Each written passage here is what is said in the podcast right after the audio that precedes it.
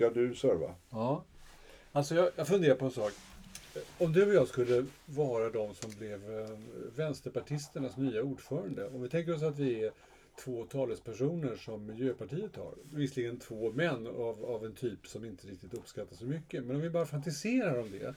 För att jag kan inte låta bli att tycka att Vänsterpartiet just nu ser, ser lite spännande ut. Dels är det intressant att, att Sjöström avgår när han egentligen har lyckats väldigt väl. Han avgår av, av vänliga skäl. Han vill vara med sin familj och han är en trevlig och bra karl. Och de här kandidaterna vill inte kriga med varandra utan de säger att ja, men om hon ställer upp så, så tror jag att jag avstår för hon är bättre än vad jag är. Det verkar som ett väldigt bussigt parti på något sätt. Och så för att följa närbilden av det här då i, genom att följa med i media. Så man blir ju intresserad. Och sen plötsligt så är de inte lierade, men de plötsligt så uppträder de sådär att de Ja, men om högerpartiet, eller alltså Moderaterna och, och andra partier som vi inte ens behöver nämna, tycker likadant som vi så kan ju vi naturligtvis rösta på samma sak. Vi är inte ortodoxa på det sättet. Det är ju en hållning som lite så här ovänsterpartistisk kan man säga. Överhuvudtaget så blir de plötsligt lite, lite intressanta. Sen har de bra framgångar. De, de, är, de har ju rätt bra del av väljarkåren ser ut som. Ja. Opinions... ja, så fick de igenom tilläggsbudgeten. Ja, visst. Så det är visst. Så, att, så att plötsligt har de blivit ett intressant parti. Och då tänkte jag så här. Ja, om man då skulle... Vad, vad är det för parti egentligen? För det är ett parti som jag själv inte ägnat så mycket tanke åt sista åren, ska jag erkänna. Om, jag då, om vi då skulle bli, eh, någon, på något magiskt sätt plötsligt bli talespersoner för det här partiet, vad skulle vi säga för någonting till svenska folket? Och hur skulle vi resonera?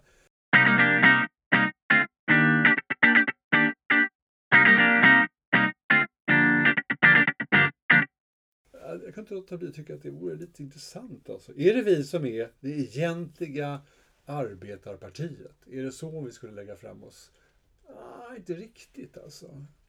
Nej, alltså. Först så måste man ju ta på sig den, den marxistiska hatten. Ja, fortfarande tror du? Ja, alltså man måste ju, ja, man måste ju det. Annars blir man ju eh, liberalerna vänster på något sätt. Eller eller socialdemokrat på vänster, vänsterkanten. Alltså man måste ha ett, ett, ett, eh, marxistisk utgångspunkt. Och, eh, men om man tänker sig lite fri från det så, så det är ingen tvekan om att du har rätt i att de har blivit mer centrala och, och, och viktigare. Och eh, nu får vi se om de blir radikalare med en ny ordförande. Men, men eh, om jag vore ordförande så skulle jag nog bli ganska, eh, ska vi säga, folkhemsradikal. Tror jag jag skulle eh, bli. Jag skulle försöka vrida folkhemsvapnet ur Sverigedemokraternas händer. Eh, där den har hamnat nu när sossarna har tappat det så att säga. Det låter ju riktigt. Det låter ju till och med lite trevligt. men, men hur skulle man göra det? Ska man, man, om, man, om man ska göra det så då kan man inte, det räcker ju inte med att man säger att ja, men nu har vi avskaffat alla privata intressen inom vården. Utan man, det, är ju, det är ju mer att man liksom... Jag skulle göra något ganska radikalt. Jag skulle eh, börja med att föreslå en total skattereform. Ja. Alltså det är där jag skulle börja. Och faktum är det, oh, det är är jag skulle ge mig på en del av de skatter som är, är borttagna. Ja. Jag skulle bita huvudet av skam och återinföra fastighetsskatten. Ja, till exempel. Visst. Jag skulle till och med sätta mig ner och räkna på mm. flatskatt mm. eftersom eh, skatten som den går nu med tanke på den förfärliga kommunalskatt eh, nivåerna som vi är på väg ja, att nå visst. och som är eh, flatskatt som slår stenhårt på mm. låginkomsttagare. Mm. Så skulle jag försöka sätta tak på kommunalskatten. Mm, Ingen kommunalskatt över 33 kronor. Nej. Punkt. Mm. Och eh, sen så skulle jag nog kompensera det med, med eh, eh dels skulle jag väl höja kapitalvinstskatten mm. lite. Mm. Från 22 procent till 25. Ja, Sen skulle jag nog se till att få en fastighetsskatt som går att leva med. Mm. Eh, men jag skulle vara försiktig. Jag skulle säga så här, jag skulle gå ut och säga det. Att ja, jag är i och för sig marxist. Men jag inser att den blandekonomi som vi har haft har tjänat oss väl. Mm. Jag ska se till att kapitalisterna får betala. Men jag ska vara klok nog att se till att inte jaga kapitalisterna ur landet med några symbolskatter. Utan det ska vara väl grundat och väl kommunicerat. Alla ska veta vad, veta vad som drabbar dem. Men alla ska också veta att det som drabbar dem det är inte drakoniskt och ideologiskt drivet utan det är praktiskt drivet. Eh, och så får alla anpassa sig till det. Men borde inte då, eh, om man gör, om man, på något sätt så måste jag som vänsterpartist också göra det som Socialdemokraterna ofta lyckats med. Alltså att man, när man, det stora brandtalet handlar om jämlikheten och utjämningen och sådana saker. Men sen så, så ser man alltid till att man har goda relationer med de alldeles, privat, alldeles privata, alldeles vanliga kapitalägarna. Alltså i princip Ja. fabriksägare och industrifolk. För att försäkra dem om att vi tänker inte vi, vi tänker inte beskatta er ner till fotknölarna och vi tänker inte göra det, ditten och datten. Utan stanna snällt kvar i Sverige nu och, och, och, och rym inte härifrån. Ja, det, det- den, det- den, för att den är ju, de, de, de är ju kloka, de är ju smarta. Det är precis det jag menar. Alltså, ni kommer få betala någonting som är en anständig del. Det kommer bli lite dyrare. Men det kommer inte att bli så dyrt så att det finns anledning att lämna Sverige. Därför att Sverige är ändå ett, ett, ett skatteparadis på sätt och vis. Vi kommer inte återinföra arvsskatt Mm. till exempel. Och vi, kommer in, vi kommer att beskatta kapitalvinster men inte kapital. Mm. Vi kommer bortsett från fastigheter för de ska vi beskatta Mm. av jämställdhetsskäl. Men då, det kommer att vara en begränsad skatt. Max 1,5 procent av Mm. taxvärdet eller någonting sånt där. Så man får räkna ut vad som är rimligt. Sen skulle jag ha ett stort återförstatligande reform. Mm, Jag just det. skulle, förstatliga Postverket, Precis. SJ, Banverket. Jag skulle dela på Telia och, och halva Telia, eh, skulle, alltså Skanova, skulle slås ihop med Teracom. Ja. Eh, så att jag fick alltså, basinfrastruktur. Och- Och sen skulle jag ta vårt gamla favoritämne.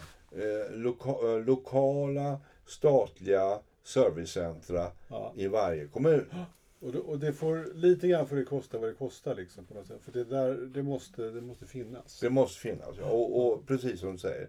Sen skulle jag titta på alla statens fastighetsverk. Alla de här i, påhitten med syntetiska marknadshyror. Som, som på något sätt låtsas tar tillbaka pengar Mm. till staten. Som staten delar ut. Alltså, man ger, ja, Dramaten får höjd, höjda anslag med en miljon. Och förresten så höjer vi hyran på Dramaten med 1,1 miljon. Ja, Alltså det. den Ja, typen precis. av, av eh, ska vi säga, statlig vårdslöshet. Det där eh, oskyldiga akademiska hus som härjar i Stockholm. Ja, Och pungslår alla statlig verksamhet på hyror. ja och, och, och med en del fall, alltså, en del av de här Fortifikationsverket, de har ju grejer som inte egentligen har ett objektivt marknadsvärde. Eh, värde. Nej. för det finns ingen alternativ eh, användning av dem. Nej. Men de har ändå marknadshyra. Så att jag menar, ja, nu raljerar jag lite. Ja, men, men, det, men det där är bra därför att om man, om man, det, om man blir plötsligt, um, om man får, nej så här, om man sitter i riksdagen och det blir Vänsterpartiet och, så, och så börjar man liksom, får man lite mer makt på något Mm. sätt. Va? Och så börjar man genomföra de här reformerna som du talar om. Då, då måste man ju också till det foga eh, budskapen eller till och med demagogin till det. Och det tror jag faktiskt skulle gå hem i folkdjupet. jag tror, Vi kan inte ha det så här längre. Vi kan inte ha en järnväg som inte fungerar där det är privata entreprenörer som slarvar med växelunderhållet. Utan någon jädrar ska det vara statens järnvägar igen. Alltså den typen av eh, argumentation. Ja, som, ja. som den måste liksom fogas till. Varje sån åtgärd ska fogas Problemet till är ju det. Alltså så som den politiska verkligheten ser ut. Då skulle ju mina lysande förslag hijackas av sossarna på en sekund. Va? Och så skulle jag istället för att växa över 15 procent så skulle jag hänka mig kvar 11, 12, 13. Därför du skulle inte få bli ensam och säga de här eh, självklara sakerna. Ja, men det är ganska intressant det här. Att jag diskuterade fransk polishistoria med min son i, i veckan. Mm. som hade prov. Och då frågade han, men varför blev det så konstigt i Frankrike i förhållande till Nordeuropa? När, Ja, när under... När socialismen eh, bröt igenom. Ja, ja. Och, och, Och då sa han, det beror på det att i Nordeuropa så vann den reform, reformerande delen av socialismen. Alltså socialdemokrater i Tyskland, Sverige och Skandinavien. Men i Frankrike och Italien så vann den revolutionära delen. Mm. Så att det blev kommunisterna som blev stora. Mm. Och kommunister i den gamla marxistiska betydelsen att alla produktionsmedel till, till det allmänna, också elektricitet så att säga, har en sån drakoniska konsekvenser i civilsamhället så de når aldrig över 15 procent. Medan däremot den reformerande delen av socialismen kunde sälja in sitt folkhem som nådde 50 procent så att Mm. säga.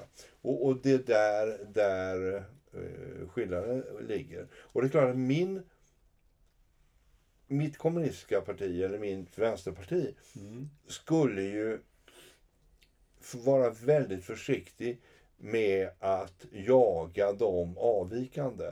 Alltså de, de som jagas i kommunistsamhällen, de som är extra kreativa oavsett om det är på, konstnärliga områden eller ekonomiska områden. De jagas ju i, i Kina och i gamla Ja, Tjeckoslovakien och i, i, i Venezuela och så vidare. Jag skulle faktiskt låta dem ha den frihet som de har under en blandekonomisk socialdemokratisk eh, eh, ska säga, affär. Alltså, risken är ju att många revolutionärer i mitt parti skulle skapa ett nytt parti som hette vänster-vänstern revolutionära så att säga. Jo, men det, det, är det, som är, det är det som är det komplicerade med det här, eftersom vi, eftersom vi båda eh, är ursprungligen ur en liberal tolkning av livet och samhället. Så klart Ja, om, och om det är vi hamnar menar. ledning för Vänsterpartiet så blir det, Jo. det kommer stöta på en, en, en det kommer bli eh, lite krångligt. Jo, nej, men jag kommer ihåg när Åsa, Åsa Linderborg liksom inleder något, något anförande med att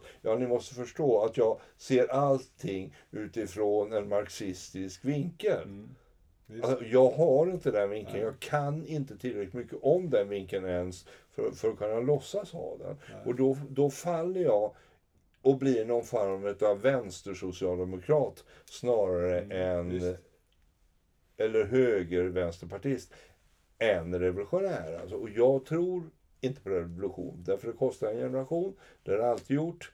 Och jag är för mycket eh, ska säga, emotionell för att vilja eh, genomföra det. Nej, och det tror inte jag vi behöver egentligen. Därför att det får man nog säga om det vanliga svenska vänsterpartiet idag. Det är inte revolutionärt egentligen på det sättet. Nej. Att man ska ta till bössan liksom och genomföra en reform.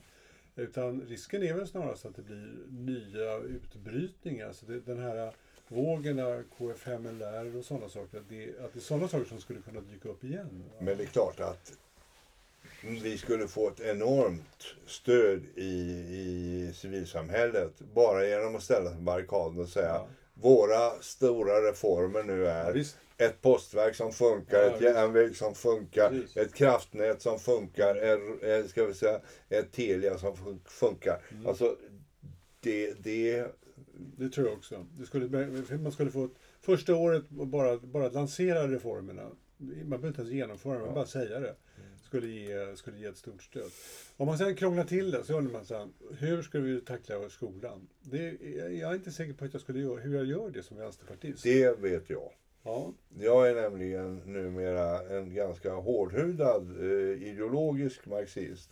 Så jag kommer att klä på uh, ungarna vita skjortor och röda scarfar. Ja. Och sen kommer jag säga det här eh, som sossarna har sagt tidigare. Gör din plikt, kräv din rätt. Mm. Men du måste fasen men göra din plikt först. Och här står vi i raka led och så lär vi oss eh, eh, ska vi säga, multiplikationstabellen och så tvättar vi händerna. Alltså, jag, jag skulle men, faktiskt... men alltså, det är lätt sagt men svårt gjort. Det första Ja. du måste göra är att förstatliga skolan så du kan bestämma Ja, ja, över självklart. Den är Ja. förstatligad redan första veckan. Och sen, och sen måste vi införa, på något sätt måste vi, då- är vi liksom farligt nära de kommunistiska utrensningarna när det gäller själva lärarkåren.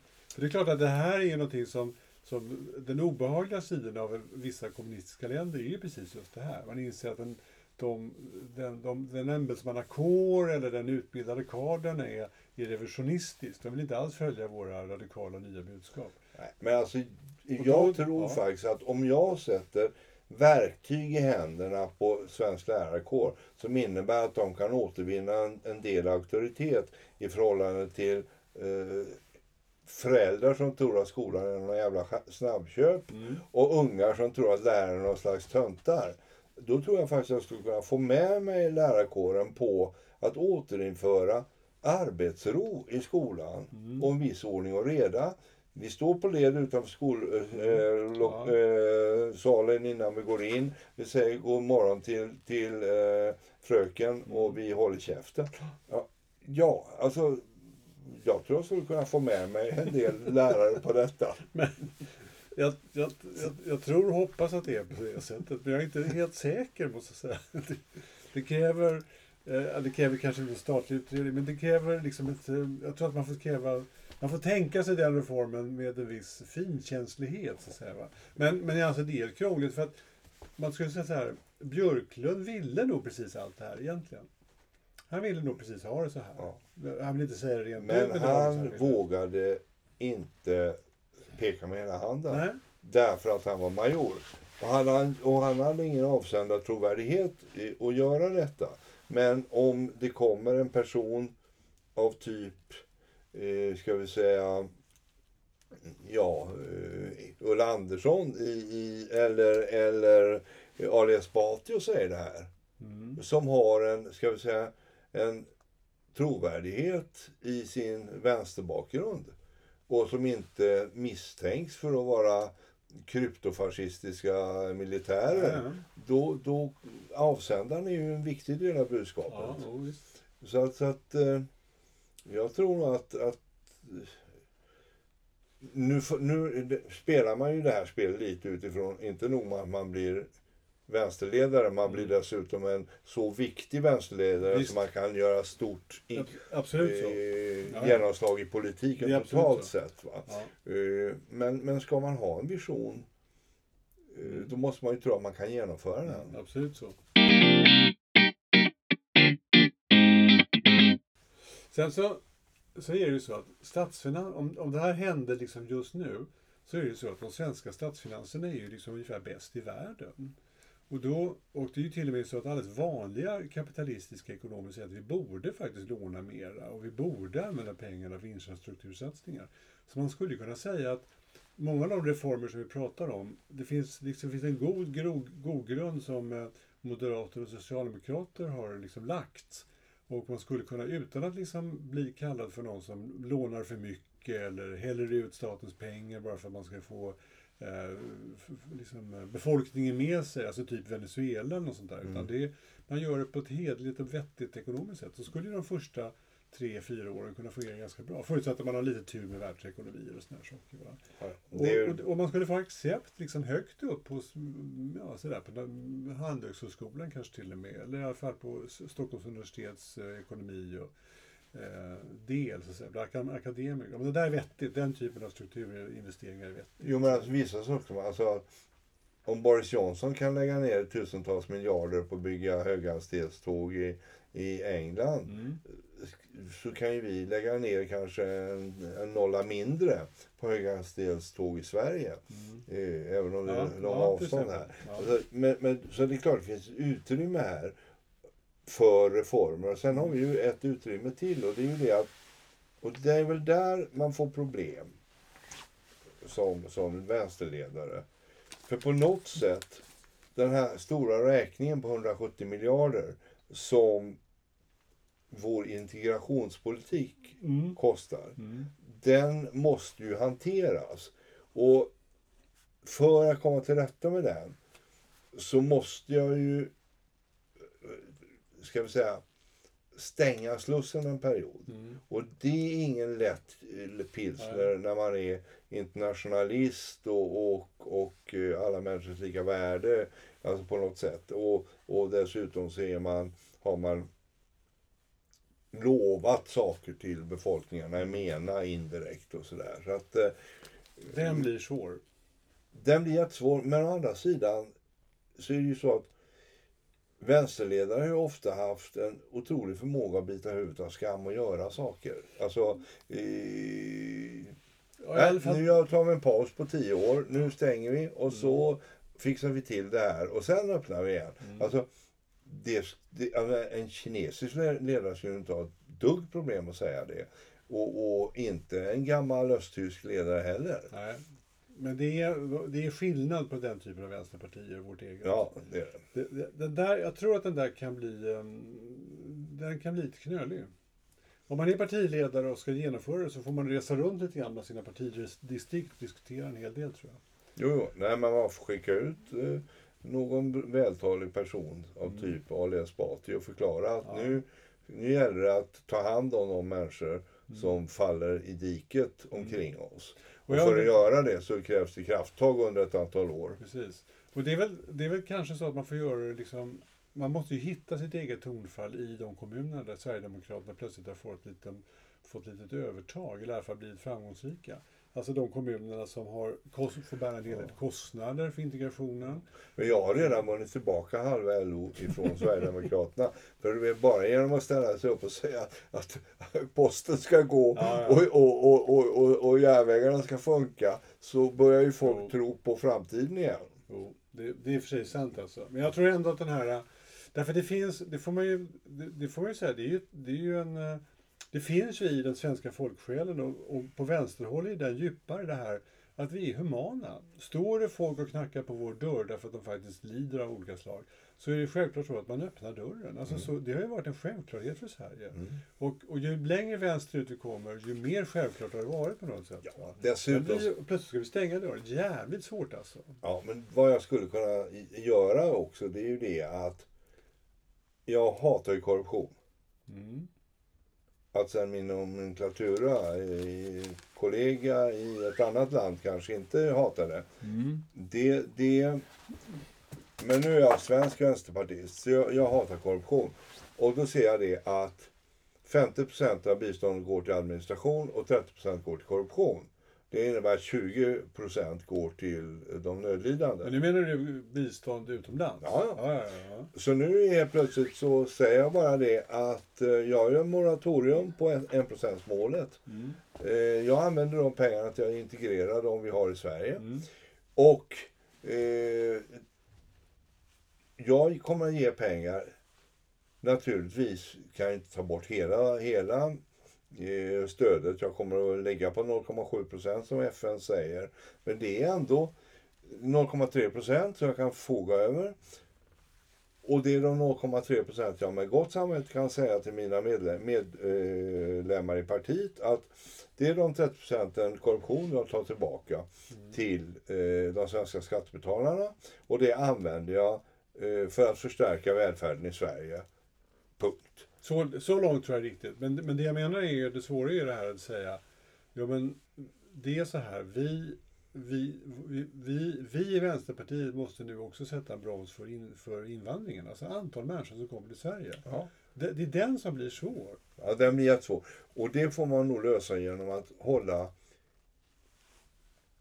man får hålla arbetskraftsinvandringen på den nivå enligt det förslag som Vänsterpartiet gav i veckan här. Mm. För det, det skulle funka, det är inte så många. Och de eh, gör dessutom ett arbete, så det, det är inga problem. Och sen skulle jag använda flyktinginvandring, alltså asylsökande, det skulle jag inte ändra på. Men däremot skulle jag ändra på anhöriginvandring och, och det här sanslösa inflödet av människor som, som är, ska vi säga, det som Göran Persson kallar för ekonomiska välfärdsturister. De skulle jag faktiskt se till att de inte kom in. Du, skulle, om- du får inte säga sanslös om du är vänsterpartistisk eh, talesperson. Nej, får jag inte. Jag redan, jag redan, dina ord. jag redan åkt ut. Men, men alltså, där tror jag också, för att jag tror att den, den så att det finns en viss irritation över att det bor människor under diskmaskiner på svartkrogar i Sverige som, som, som sköter diskmaskinen för 20 spänn i Ja, timmen.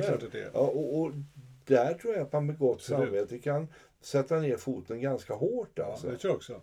Men, men jag tror att det behöver göras varsamt, därför att det är ändå så att när, när det står när det står en stackars människa på någon, och någon sorts, man ser en bild av någon som knackar på dörren. Jag måste in i Sverige mm. för att jag är, jag är förföljd eller jag är det ena eller det andra. Eller jag har inga pengar till mat. Jag, kommer att, jag och min familj kommer hungra ihjäl. Ja, är du och då, förföljd och det är krig, då kommer du in. Men om du bara vill ha mat, då kommer du inte in om det finns mat i ditt hemland. Nej, och det, det där är ju det, det, det, det är det som kommer bli bökigt. Stötestenar, ja. ja det, det, Erkänner det. Ja. Sen, det finns ju andra stötestenar men som man skulle kunna se framför sig. De vet inte heller riktigt hur man skulle tackla. Det är klart att sjutton att en, en, en klok, eh, vi är ju kloka vänsterpartistisk ledning, så vi, vi säger så här, det svenska försvaret ska naturligtvis fortsätta byggas upp ungefär den takt som partierna gemensamt har kommit överens om just nu. Vi ska inte ändra på det på något sätt, utan de pengarna som är anslagna, vi ska låta en kommission eller eller eh, beredning liksom. Jag var, ju till, jag var ju till och med på en sån här hearing av försvarsutskottet för ett år sedan. Och där var ju eh, Vänsterpartiets eh, kvinnliga representant också med. Ja. Och hon sa i princip det du sa nu. Ja, alltså, ja nej, jag håller med om att vi måste rusta mm. därför att det är hotfullt omkring oss. Mm. Men min punkt är det, vi måste rusta civilförsvaret lika mycket. Därför att all vår mat ligger på hjul och kölar, mm. vi har inga lager och så vidare. Och det hade hon ju helt rätt i. Ja, så att vad hon antydde det var möjligen att jag ger mer pengar till civilförsvaret men just nu kan vi inte ta något från det vanliga försvaret. Så, så hon får vara kvar i försvarsutskottet. Inga ändringar. Jaha, om, då, om vi då tänker oss att vi har satt igång med det här så funderar jag på vad, hur kommer då den här... Ett, då, man kan gissa att det kommer en vänster... Det blir en vänsteropposition. Ja, men vi vinner ju valet 22. Ja, det är ju det som är grejen.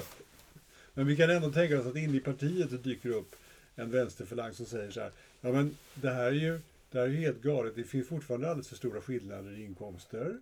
Eh, det är fortfarande så att, den, att fastighetsskatten, visst den bör vi ändra på men den behöver, måste gå mycket längre. Orättvisan i sig är, är fel med den typen av samhälle vi har. Då är vi plötsligt där, då ska vi stå där som någon sorts ska vi stå där och vara liksom borgerliga och förklara men vissa inkomstskillnader kanske man måste acceptera. Eller att några bor i väldigt stora hus och andra får bo i väldigt små hus. Det, det, så är samhället. Då hamnar vi liksom i ett komplicerat läge. Det där måste vi liksom tänka igenom hur det ska försvaras. Därför att det är ju ändå så att i grunden så tycker vi inte att, hur vänsterpartistiska vi är så tycker vi inte att de skillnader som fortfarande kvarstår efter våra reformer, de är acceptabla.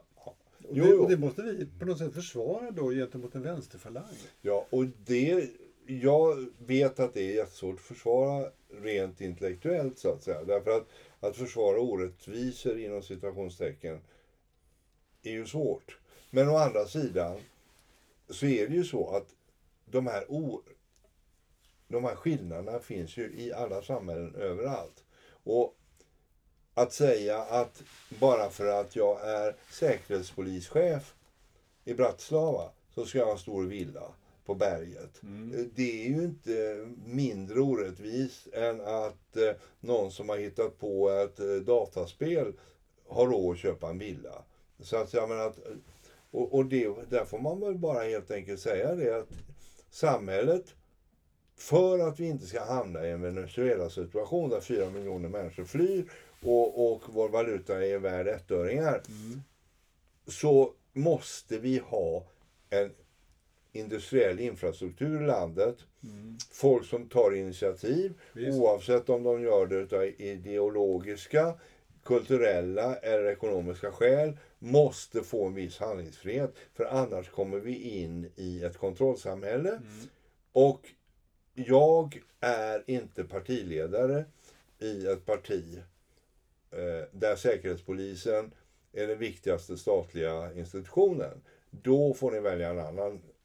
Men det, det slår mig att det, det som behövs också är förmodligen att man måste måla upp den, den vänsterpartistiska visionen. Mm. Förstår du vad jag menar? Alltså, så för att när man håller det, man håller, för, först håller man försvarstalet för att vissa inkomstskillnader och, och eh, icke-byråkrati och icke-övervakning är, det är bättre än motsatsen. Det ser mm. vi exempel på överallt i hela världen. Men sen är det nästa steg, för, att- men vi ska sträva mot, förstår du vad jag menar? Det ska finnas den där bilden av, av eh, det ideala samhället på något sätt. Eller, Ja. eller i alla fall ett samhälle som är, som är, som är bra. Mm. Det räcker ju så. Det behöver, inte vara så. det behöver ju faktiskt inte vara idealt, det behöver vara bra. Det, det, alltså, det här är dagens situation och då ska vi göra det här och så får vi stanna där. Men vi strävar efter att nå. Förstår du vad jag menar? Alltså en sån bild, den ska då inte vara socialdemokratisk utan den ska vara vänsterpartistisk. Ja. Och då, ja, den, den måste man liksom måla upp för sig själv och också då göra den trolig på något sätt. Den, är det är inte så att jag ser den direkt. Va? Eh, för att, för att är jag vänsterpartist säger inte jag tycker att vi ska ha ett, vi ska ha ett välmående näringsliv. Det låter inte så jävla vä- vänsterpartistiskt. Nej, men vi måste ha ett näringsliv. Ja, Och sen, och sen kan vi ju bara säga det att vi kan bestämma oss för att successivt ta över produktionsmedlen. ja men ska man säga det? Menar, jag är inte så jävla, äv- även, om, även om vi då, om vi, om vi säger att Vänsterpartiet får stor makt, så är inte jag säker att en fortsättning, att vi ska ta över de samlade produktionsmedlen, jag är inte säker på att det skulle få så mycket folkligt gehör. Nej, det tror inte jag heller. Då säger då plötsligt så här, en, en sympatisör i, i schaktbranschen säger, varför ska du ta ifrån mig min grävskopa? Vad, vad pratar du om? Alltså problemet är ju det att vi styr ju in Vänsterpartiet i en gammaldags folkhems, Ja, ja, folkhems socialdemokrati på något sätt. Va? Eh, Det, och det beror väl på att alltså, man, har en, man har så mycket ideologisk bindning i sin gamla liberalism. Så det här att ta Eriksson ifrån Wallenberg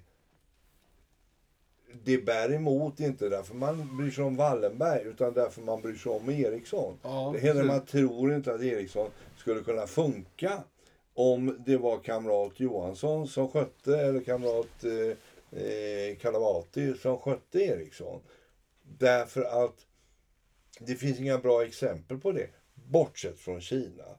Och Kina är en helt annan upplägg. Va? För det är en kommandokultur Visst. eh, baserad på konfucianska ideal i, i civilsamhället och en iskall eh, statskapitalistisk maktapparat. Visst. Som Och har väldigt lite med marxism att Precis. göra. För det finns ju mer miljon- miljonärer där än det finns invånare i Sverige. Ja, Kina har ju lämnat det här att vara ett föredöme för vänstersympatisörer. Det har de ju faktiskt. Va? Sen 20 år tillbaka är de inte det längre. Nu är de bara otäcka alltså. Och då ska man sälja en vision bara för sakens skull. Nej, Nej men, jag, nej, men jag menar att visionen behövs i den, i den politiska diskussionen. behövs visionen. Det, det skulle jag vilja hävda. Att vi ska dit. Det ska, det ska synas någonstans. Hur ser det, det något bättre samhället ut? Som, om vi hade fri, väldigt fria händer och hade tio år på oss så ska vi nå hit. Alltså någonting sånt. Det tror jag faktiskt. Ja, och då skulle man krävas då att över en tioårsperiod så ska skillnaderna eh, bli att en ledande företrädare, en nomenklatura eller en företagsledare ska max få tjäna 16 gånger Mm. en, en eh, industriarbetarlön. Mm. Och en låg, lågavlönad eh, person eh, utan utbildning i ett okvalificerat jobb ska minimum få tjäna en fjärdedel utav en industriarbetarlön. Någonting sånt. Ja men, det, ja, men jag undrar om inte det är det är. Är inte visionen så? Att vi har fattigdomen finns liksom inte längre. Eller, Ja. eller minskar till någon sorts miniminivå verkligen. Va? Ja, ingen får ju vara sysslolös i det, i det här Nej, samhället. precis. För att vi, det, blir ju, det blir ju lite Östtyskland av det hela. precis. för att alla har en bostad och alla har ett jobb. Ja. Alltså, och vill du inte jobba, då hamnar du på ett ställe eh, där du får låtsas jobba men du får inte komma ut heller. Nej. Alltså, och det, det är ju naturligtvis en aspekt av det här som är lite Men om man, osvensk. ja, men om man, om man, om man bortser från den, den, den, liksom, östtysks, eh, vad ska man säga, den östtyska jäm, jämförelsen och så bara tänker så, så är det klart det, det, jo, men hur, ser, hur ser det i vårt idealsamhälle ut? Det blir klart sjutton. I vårt idealsamhälle så är det så att alla har jobb. Ja, Det är faktiskt så. det är Och, och det finns faktiskt bostäder till alla. Att bara lansera det i Sverige idag. Och det lovar vi att kunna genomföra inom kanske Och det två kan mandater. vi dessutom genomföra. Det är ju för fasen bara eh, spaden i marken Mm. och, och pengarna från banken. Alltså, det är ju bara det att vi inte vågar leva ut en sån vision Nej. just nu. Och den, den skulle man ju komma ganska långt med tror jag. Ja, man skulle få en annan röst också. Mm. Jo, men det är det jag menar. Att den är, den är inte... Ja, men är, det, är, det ditt, är det det Vänsterpartiets drömsamhälle? Ja, det är klart att 17. Om alla har bostad och alla har sin försörjning så är det ett fantastiskt Ja. samhälle. Till det så har vi kopplat alla de andra moderna samhällets möjligheter. Vi har tåg och flyg och medicin och sådana saker. Ja. Några av våra medlemmar skulle dock få, få Linda Snäcker skulle få problem. Därför det skulle ju finnas brottslingar även i det samhället. ja, när vi har eh, gjort basplattan Mm. bekväm så att säga. Eh, och då, ja, hur vi löser det, det är en intern vänsterpartistisk fråga. Nästa kapitel får bli det.